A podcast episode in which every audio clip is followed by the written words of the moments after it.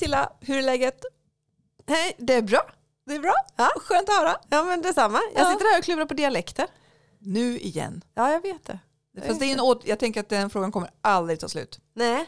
Nej. För, det var, för några veckor sedan var det det du tänkte på. Ja, för då var det, vad heter första torsdagen i mars då va? Ja, du kan ju faktiskt säga det nästan på riktigt. Ja, första torsdagen i mars. Första torsdagen i mars. Ja. Fast egentligen om jag säger det utan att tänka på det, så jag har ju rullan där. Så det, Ja. jag hade ju sagt första torsdagen i mars. Hade jag gjort. Ja. Men jag tycker det är kul att säga Ja, första, första torsdagen. i mars. Jag håller med. Men du, men alltså man kan ju inte, du är ju från Skellefteå, Ja. Bureå. Ja.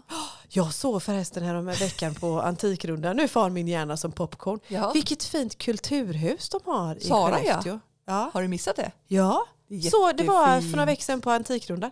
Så fint. Det är bara några veckor gammalt ju. Ja, det är inte äldre. Nej, några år menar jag. Ja. Det är typ två år kanske någonting. De var helt, eh, alltså ni som lyssnar, som inte har kollat in Skellefteås kultur, alltså googla immediately, alltså genast. Sara Ja. heter det. Heter det Sara? Saras kulturhus. Ja, det är Sara Lidman.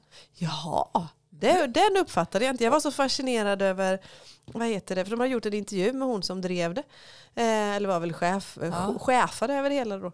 Och hon sa det att, för det är helt byggt i trä, jag allt är vet. byggt i trä. Och träet kommer ifrån en radie om 20 mil runt Skellefteå. Det kan du snacka om lokalproducerat. Men det är jättehäftigt det huset. Ja. När, när vi, åker till, vi ska ju på vår Norrlandsturné. Ja, då måste vi åka dit. Då måste vi dit. Jag måste sitta där och vi läsa ska ju till Boden och hälsa på Tina någon gång. Ja, det ska En vi Martin. också göra. Det Så ska vi det är göra. ju, Men du, din dialekt då? ja, Västerbottens mål, eller vad det heter. Men Bonska. den slår inte igenom jättemycket nu för tiden. Nej, men jag har ju ändå bott typ sedan 95 Ja. i Småland. ja. Så att man suddar ut en del.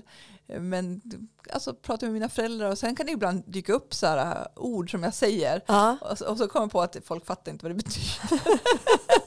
och det är så här, ja, men i affären ibland, jag bara, jag bara nej så där kan jag inte säga. Nej, nej. Så det, du vet, det är som popcorn där också, ibland dyker det upp galna saker. Ja, och ibland sitter ju språket så fast i en. Ja. Så att det tänker ju inte på att vad heter vad det är man säger.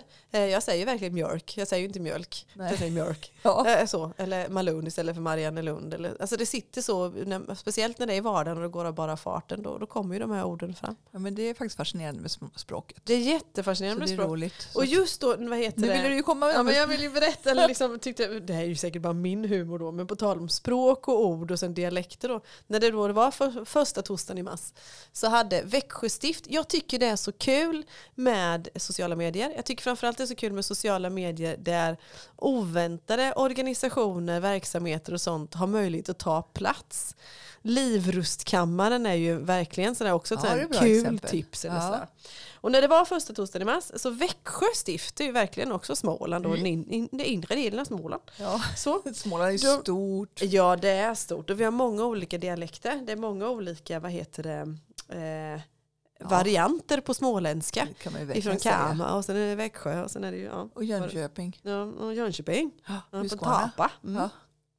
Ja, och då hade så- de lagt ut i alla fall kopplingar till kyrkans olika sådana här grejer, vad det hette. Och det bland annat så heter det ju, eh, vad heter, eh, Herde hette ju Hede då. Ja. Hede, Ja. Hede är det. Och sen heter ju, heter det Jätta. Det är ju inte hjärta utan jätta. Ja. Tycker jag. Och de har verkligen stavat det i sitt inlägg också. Jag tycker det är konfirmand. det finns liksom inget ord där. Jag tänker det låter nästan som Vetlanda också. Ja. Eller en psalmvers. Ja, Tycker inte det där? Ett koss. ja Ett ett kors. Det är så kul man kan ha med språk. Marsipantårta då förstås. Då. Eller en köka. Ja, Ja, en köka. Ja, köka och ett köktorn. och, och det är kul med språk. Jag försökte sitta här och tänka ut något bra så här, bondska ord emellan. Jag får kontakta min mamma. Men hon kommer säga så här, "Malin, du kan inte ändå. Nej, jag Så kan jag får, inte vi får då. bjuda in henne. Ja men så är Jag det. ju. henne på Jag, telefonintervju. jag har, ju li- som smålänning har man lite tur, eller så, som, vad heter det, den här delen av Småland, då har man ju Livens ifrån Hultsfred som sjunger vad heter småländska visor. Med bland annat Fyskrån vilket härj. Ja, just det. Då får uppdateras den då. Ja. Faktiskt så. Men vad tycker vi om, eh, vad heter vi ska komma in och prata om språk och redaktionellt och arbete och så, om texter och sånt alldeles strax, eller om Mm. böcker eller så. Då. Vad tycker vi om dialekter i böcker annars? Nu satte jag Malin, det här har vi inte diskuterat innan. Det är bra när vi inte diskuterar allt i förväg. Ja, Nej, ja men jag till exempel jag tyckte- tycker att det är lite, men, jag har inget problem med det. Nej. Jag tycker att det kan fylla sin funktion. Ja. Det var ju något vi läste nyss när det var det. Jo men det var ju Nutti. Ja. Det var det ju. Ja. Eller var det en nuttig Kaffe, kaffe med mjölk. Men, nu vet ju inte jag för det var ju en norrländsk skildring. Ja. Och jag är ju därifrån så jag vet inte, jag hade, funderade inte ens på det. Men tyckte du att det var något konstigt? Nej, jag tyckte inte heller det var konstigt. Men jag tycker ju om det här. Ja. Jag tycker väldigt mycket om när det blir i talspråksdelarna till exempel då Mm. att det är, det är vad heter det, dialekt, att det blir liksom en kontrast, att det blir sådär. Jag har nog inte så stor, skulle inte nog ha så stora problem heller, bara jag förstod och även om den löpande texten skrevs så. Som Karin Smirnoff gjorde det med Jag får ner till bror. Jag tänker man får ju fundera lite hur man gör det också. Ja, Och alltså, ja, Ja. vilken språkbild man vill ha så att Ja. alla förstår. Man vill ju inte utesluta någon heller. Nej det vill man ju inte heller och jag tror att det är också Så- viktigt att man är väldigt konsekvent. Att inte bara krydda lite här och där att man verkligen skriver på det dialekt då. Jag vet inte riktigt. Alltså, ant- antingen man bestämmer sig att dialogerna ska vara så Ja, och att den löpande texten. För jag menar, som sagt, man kan ju utesluta läsare och det är Ja. inte heller bra. nej, det inte. Och det är väl därför man ändå kanske försöker ha en viss rikssvenska i litteraturen. ja, ja. Tänker jag. Men, För, för, för faktiskt är det ju så, det, här, ja, det har en liten koppling det här, min, min, min vad heter det, dialekttankar här om, Okej. om köka och konfirmand. ja. Att vad heter det, det här med kvalitet på böcker, kvaliteten på böckers text, Ja. på orden. Så att säga då. Att det ju, när man har använt, när man är slarvig då, när Ja. man har använt dialektdelar eller när man har använt ja, något liknande eller någonting sånt. Eh, har man inte varit konsekvent eller gjort det till en grej eller att det verkligen liksom man som läsare förstår att det här är en del av texten utan kanske bara slarvat med någon krydda här eller något ord där så att säga. Då finns det risk för att det drar ner kvaliteten på texten. Förstår du vad jag menar? ja, och då tänker jag säga så här, man får inte slarva Nej. med sina böcker. För helvete! Och nu svor hon också. Nej, men, och, Nej. vi ska ju faktiskt prata om kvalitet, Ja. tänkte vi. Ja, Och då, precis som du säger, bestämmer man sig för att använda ett visst språk, kanske i dialogerna eller texten, då får man ju följa det genom hela boken. ja. Man kan ju inte då slarva eller ha vissa partier, Nej. för då känns det ju inte seriöst. Nej. Det, det är ju oerhört viktigt. Ja, det är det, jätteviktigt. är, det är ju verkligen en kvalitetsfråga. Ja, det är det. Eh, Jag menar, det har vi ju pratat om, eller vi ska prata om det nu också, ofärdiga böcker. Det handlar ju om kvalitet. Ja, det är det. För att vi vill ju läsa bra böcker som är klara till punkt. Ja. Och, det behöver, ju- det, och men när vi säger bra böcker så behöver ju inte det betyda att det liksom är ett visst sätt att skriva. Eller ett Nej, visst, det kan nej, ha nej, ha nej, massor nej. med olika nyanser och ordföljder. Höll på säga, men, Och men- kategorier, det spelar ingen Nej, roll det vilken har typ av betydelse. kategori eller genre det är. nej. Utan alla böcker ska ju vara så bra de kan. Ja. Vara utifrån sitt. Ja. Det är det vi menar. Ja, och jag tänker ofta att alltså, de ska vara färdigbearbetade, genomarbetade. Att det är verkligen sagt att den har den här, om jag då vill använda en dialekt eller jag vill använda någon krydda eller vad det nu än må vara då som kanske st- sticker ut lite mot någon annat. Att, att, att den är genomarbetad, att det finns den som en röd tråd då, inte bara som ett slarvfel. Nej, för att jag, jag, sa, jag, hittade ju en artikel. Nu, Ja. nu, nu ska jag labbra lite Ja, här. här. ja men jättebra. Eller en, en recension rättare sagt faktiskt i DN för några veckor sedan. Ja, eh, av eh, Tom Malmqvist. Och han recenserar då Inkilad om dolda övergrepp i, id- i idrottens skugga. boken heter Inkilad. Ja, Och vem har skrivit boken? och den av eh, Erik Granqvist tillsammans med Johan Esk. Ja. Utkommer på Norstedts. Och han skriver faktiskt att så här att eh, boken är tyvärr alldeles för ofärdig. Mm. Eh, och att förlaget faktiskt ska skämmas som stressat genom den här bokutgivningen innan den är klar. Ja. Alltså språket är bra eh, tack vare Esks penna men eh, den är inte klar utan både förläggare och redaktör borde ha lagt mer kärlek på den. Ja. Och att man borde ha också skärpt upp med en bättre inledning. Ja. Och, då, och, och nu har jag inte läst Inkilad så jag kan Nej, inte, nej, jag utan, kan och inte det, ge något det eget. är kanske eh, jättebra bok, det är inte det vi säger. Utan, Nej, men jag tänker just kritiken på att, och jag tänker att Tom Malmqvist är ju en, han är journalist, han är Mm. författare själv, Mm. så han borde veta vad han pratar om. mm. Men jag menar, det här har jag och du pratat om ganska många gånger, att vi läser böcker så tycker vi att det fattas delar, Mm. Slutet kanske borde varit 50 sidor till, Mm. det blir för abrupt, eh, Mm. på något sätt har man så här fått, nej nej nej nu måste den klar. Mm. Eller den känslan man får som läsare. Mm. Mm. Eh, Så det gäller ju verkligen att ge kärlek till, sina, till eh, utgivningen. Och där pratar vi, Ja, nej men, och jag, för jag vet att jag har frågat dig flera gånger, bara, bara ganska ny, nyss också, om, om ni som bokhandlare som, som vad heter det, har, kommer i kontakt med så mycket böcker och har gjort det i så många, många år och med läsare överhuvudtaget, alltså människor inom bokbranschen, om det här har försämrats genom åren.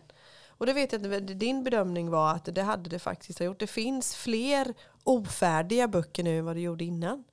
Ja, men jag tänker dels också om vi, alltså det här är också två delar igen. Ja. Dels har vi de som kommer ut på förlag. Ja. Dels har vi den egenutgivningen som Ja. har ökat enormt.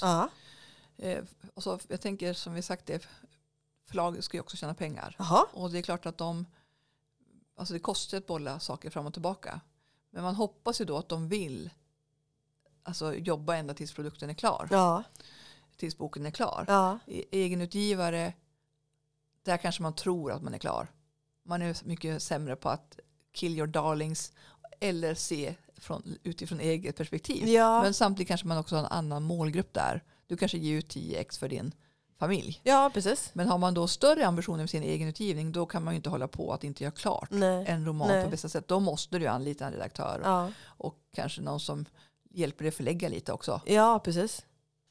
Och jag tror att i egen, för i- egenutgivningsspåret då så är det, vad heter det, att dels är det nog säkert att man inte har all information, man kanske är lite naiv som vi alla är i början Ja. av olika projekt och sådär, man, man har inte samma förståelse och kunskap om vad som krävs Mm. redaktörsmässigt.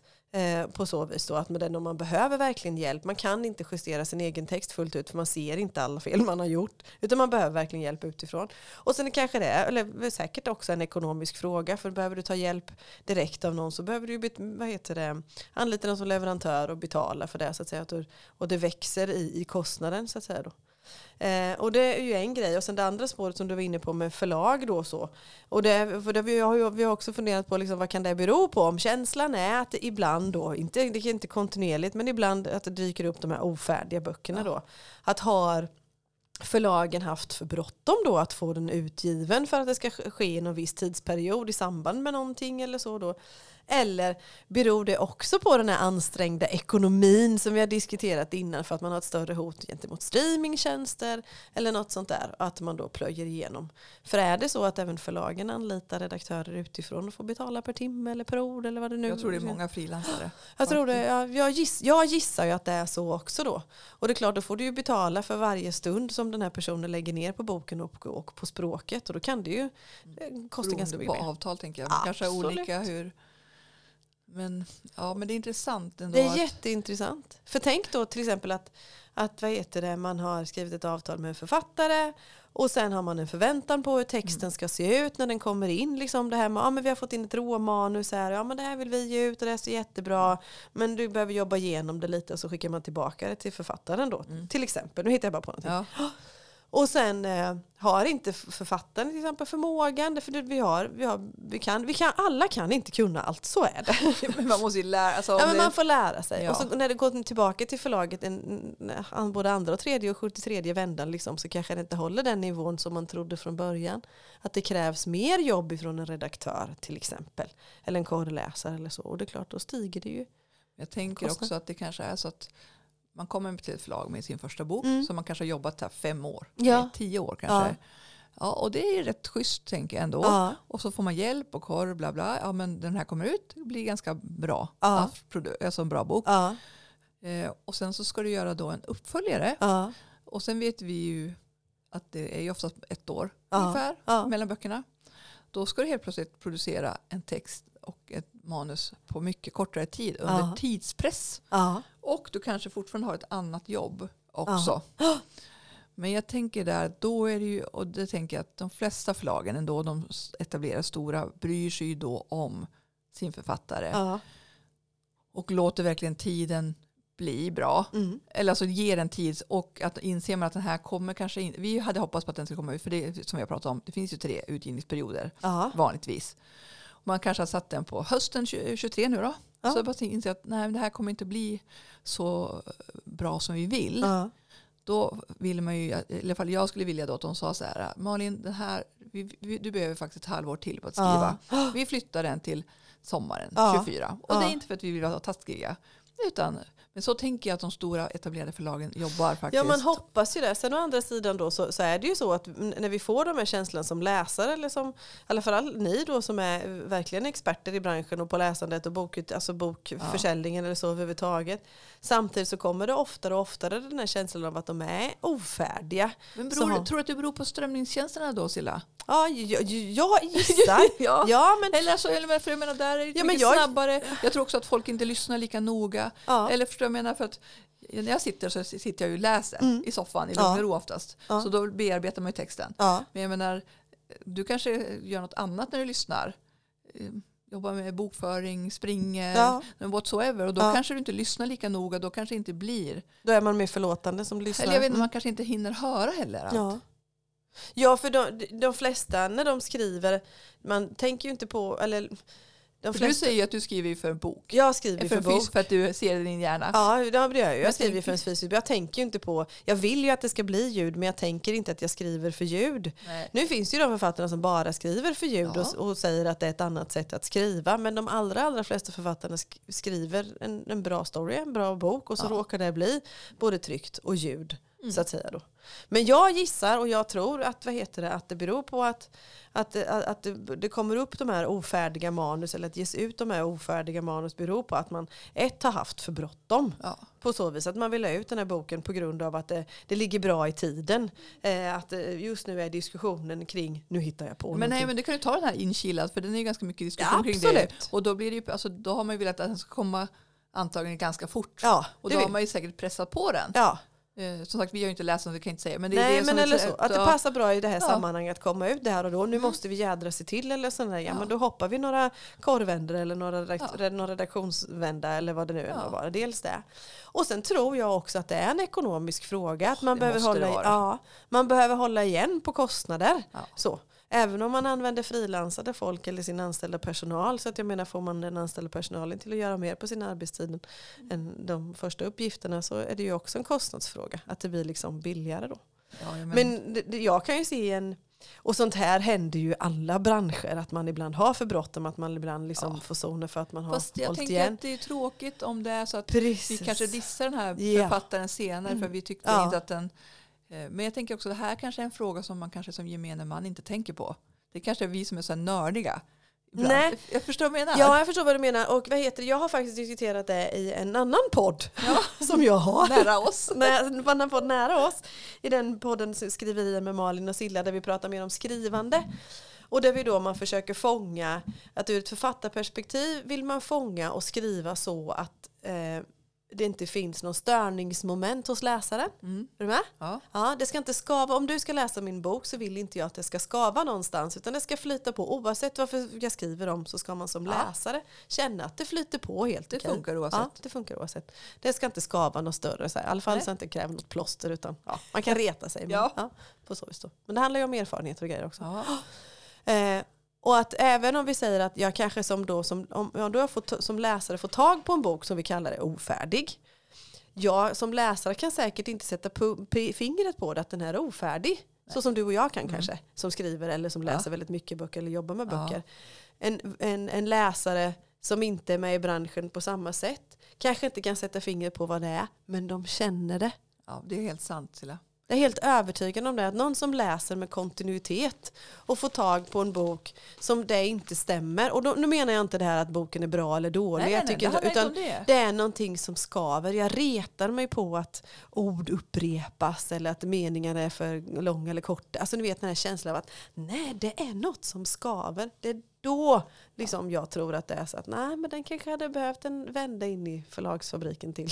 Och då tycker jag faktiskt, då kan jag faktiskt, det här, vi har ju pratat om kritik också, ja. recensioner innan. Ja. Det är en annan artikel, därför det prasslar här borta ja, men prassla På, prassla eh, på. Faktiskt jätteintressant. Eh, det kommer säkert komma mer av, för det här är författaren Inger Edelfelt som skriver lite grann om, alltså, om kritik och mm. recensioner. Mm. Och hon skriver ju också att hon har skrivit alltså, romaner nu i 50 år ungefär. Ja.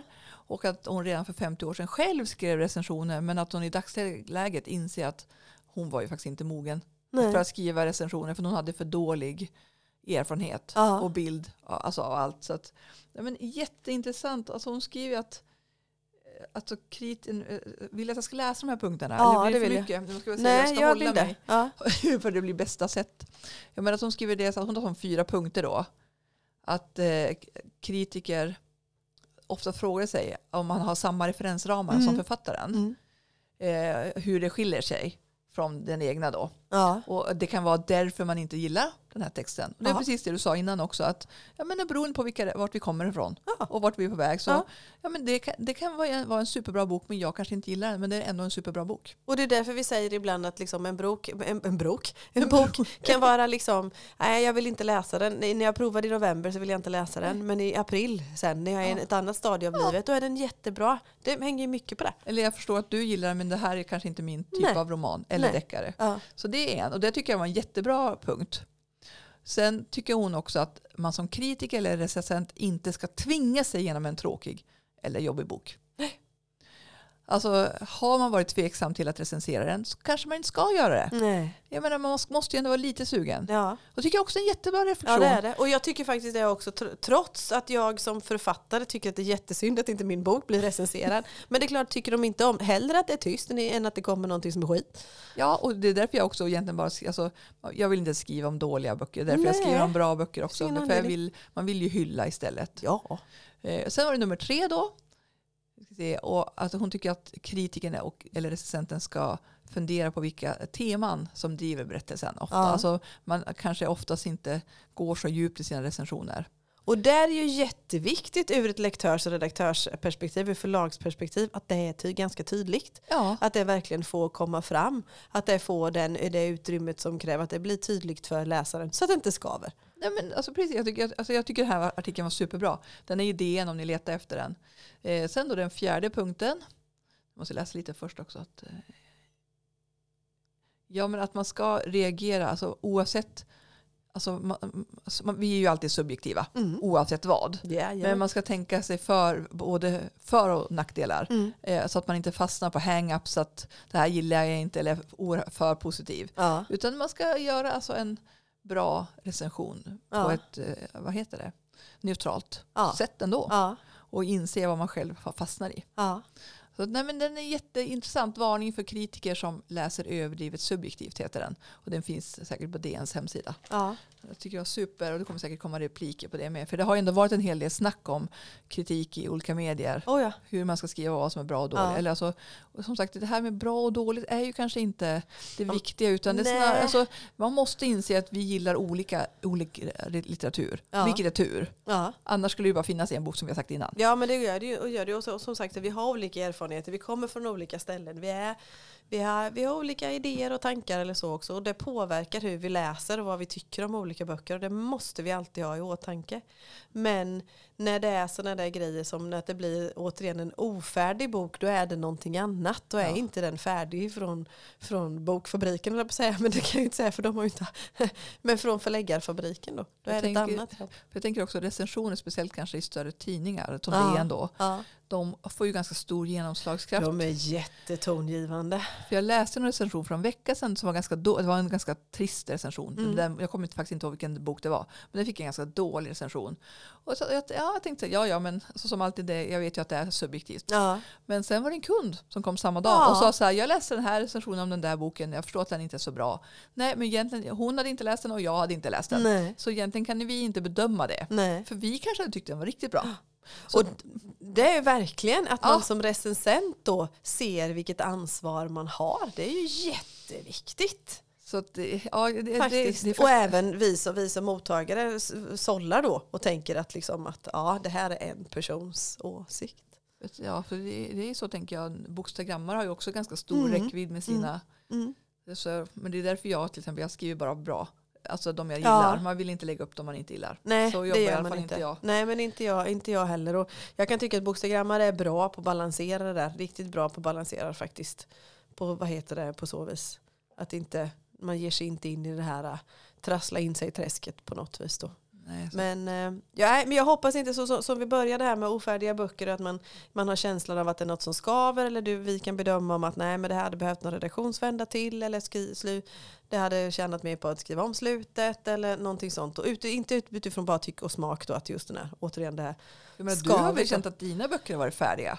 Ja, gud ja. Ja. Gud ja. För det måste man ju göra tänker jag. Ja, ja, oh ja. Men det har jag ju också gjort i bedömning tillsammans med mina redaktörer. Ja. Då har jag haft förmånen att jobba med två olika då.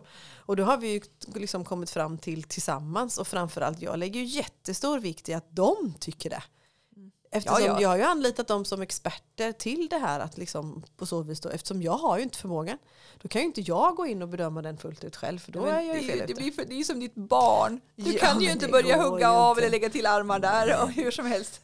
Färga håret. Är du säker? Jo. Nej men det, det är lite så. Det är lite så. Men, ehm, Sen kan man inte jobba ihjäl sig, man får inte vara liksom för detaljstyrd, herregud. Det får Nej. inte ta, det, då är det ingen... men det är en annan sak. Ja, men det är något annat. Men jag hoppas att det, liksom, att det är, fortsätter att vara enstaka Ja. stories och böcker och berättelser som vi känner detta, att vi fortsätter med den goda kvaliteten som faktiskt är på svensk litteratur. Ja men det måste vi ändå säga. Mm, Nu låter det som vi klankar ner på alla. Nej, verkligen inte. Det, Verkligen de flesta är ju faktiskt riktigt, vi har väldigt mycket bra Mm. författare.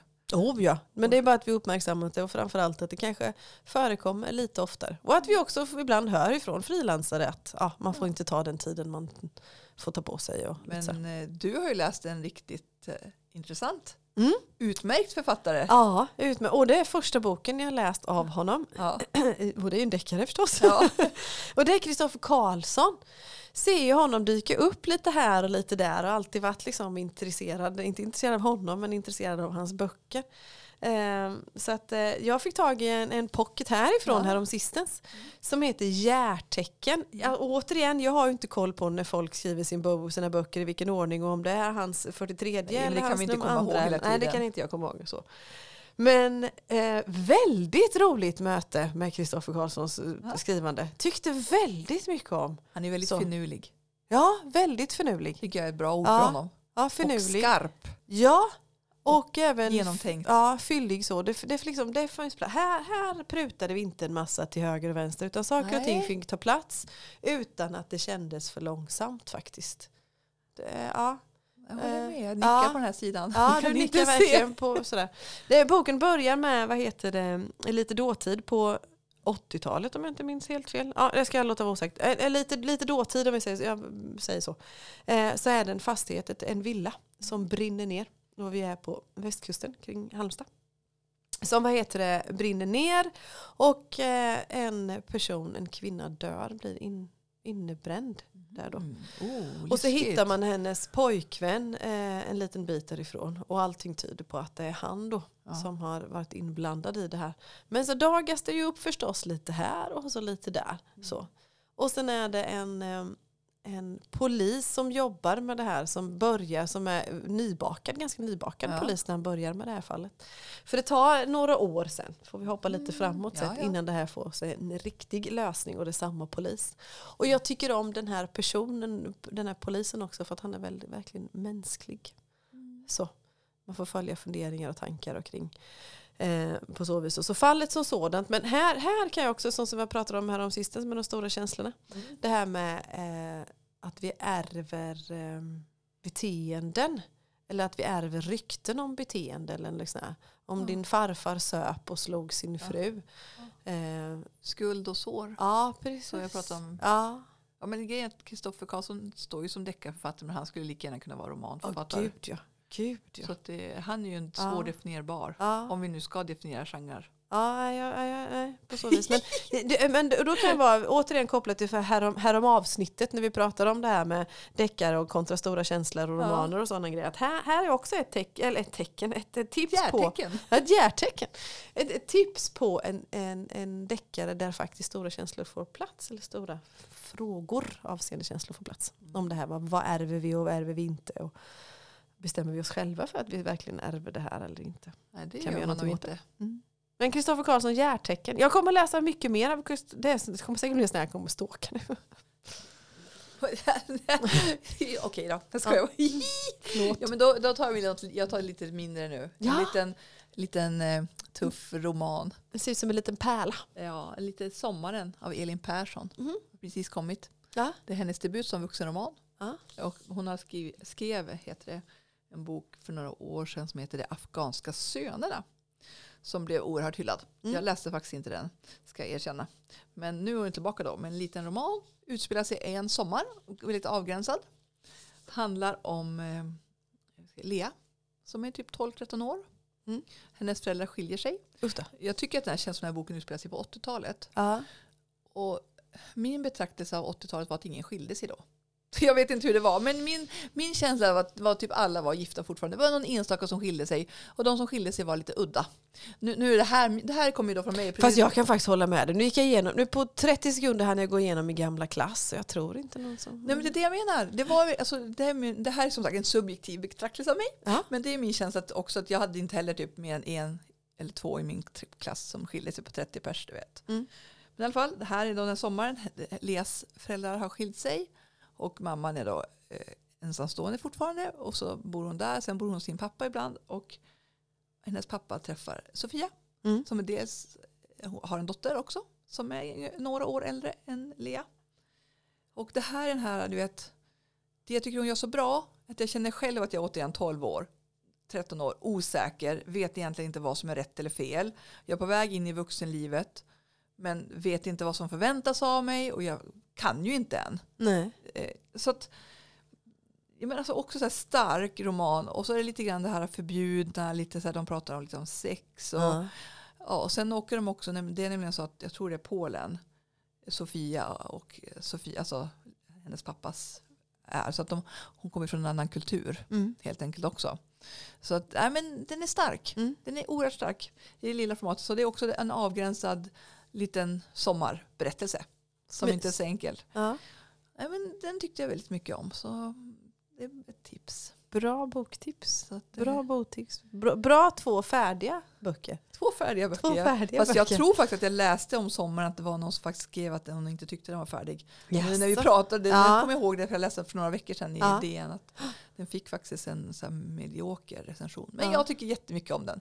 Och det är väl vi läsare som ska bedöma faktiskt. Jo men det är det ju. Och som sagt en recension är alltid subjektiv också i det hela då. Och, du vill alltid när vi läser Ja, egentligen. oh, ja. Det är ju min upplevelse. Jag har mina erfarenheter och du har dina. Så det är ju... De får du behålla för dig själv faktiskt. Oj, du med. ja, tack.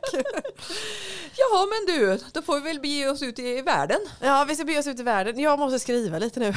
Ja, jag, Jag är jättesugen på att skriva. jag var lite hård med det igår också när vi träffades. Ja. Eller häromdagen. Ja. Och eh, sa att nu får Nu- jag hjälpa till dig Jag lite. sätta fart lite. Jag- Jag lovar. Jag lovar. Jag är coach och eh, Ja, hon är coach, bokhandlerska, podderska. Ska bara veta hur många strängar hon har på sin lyra.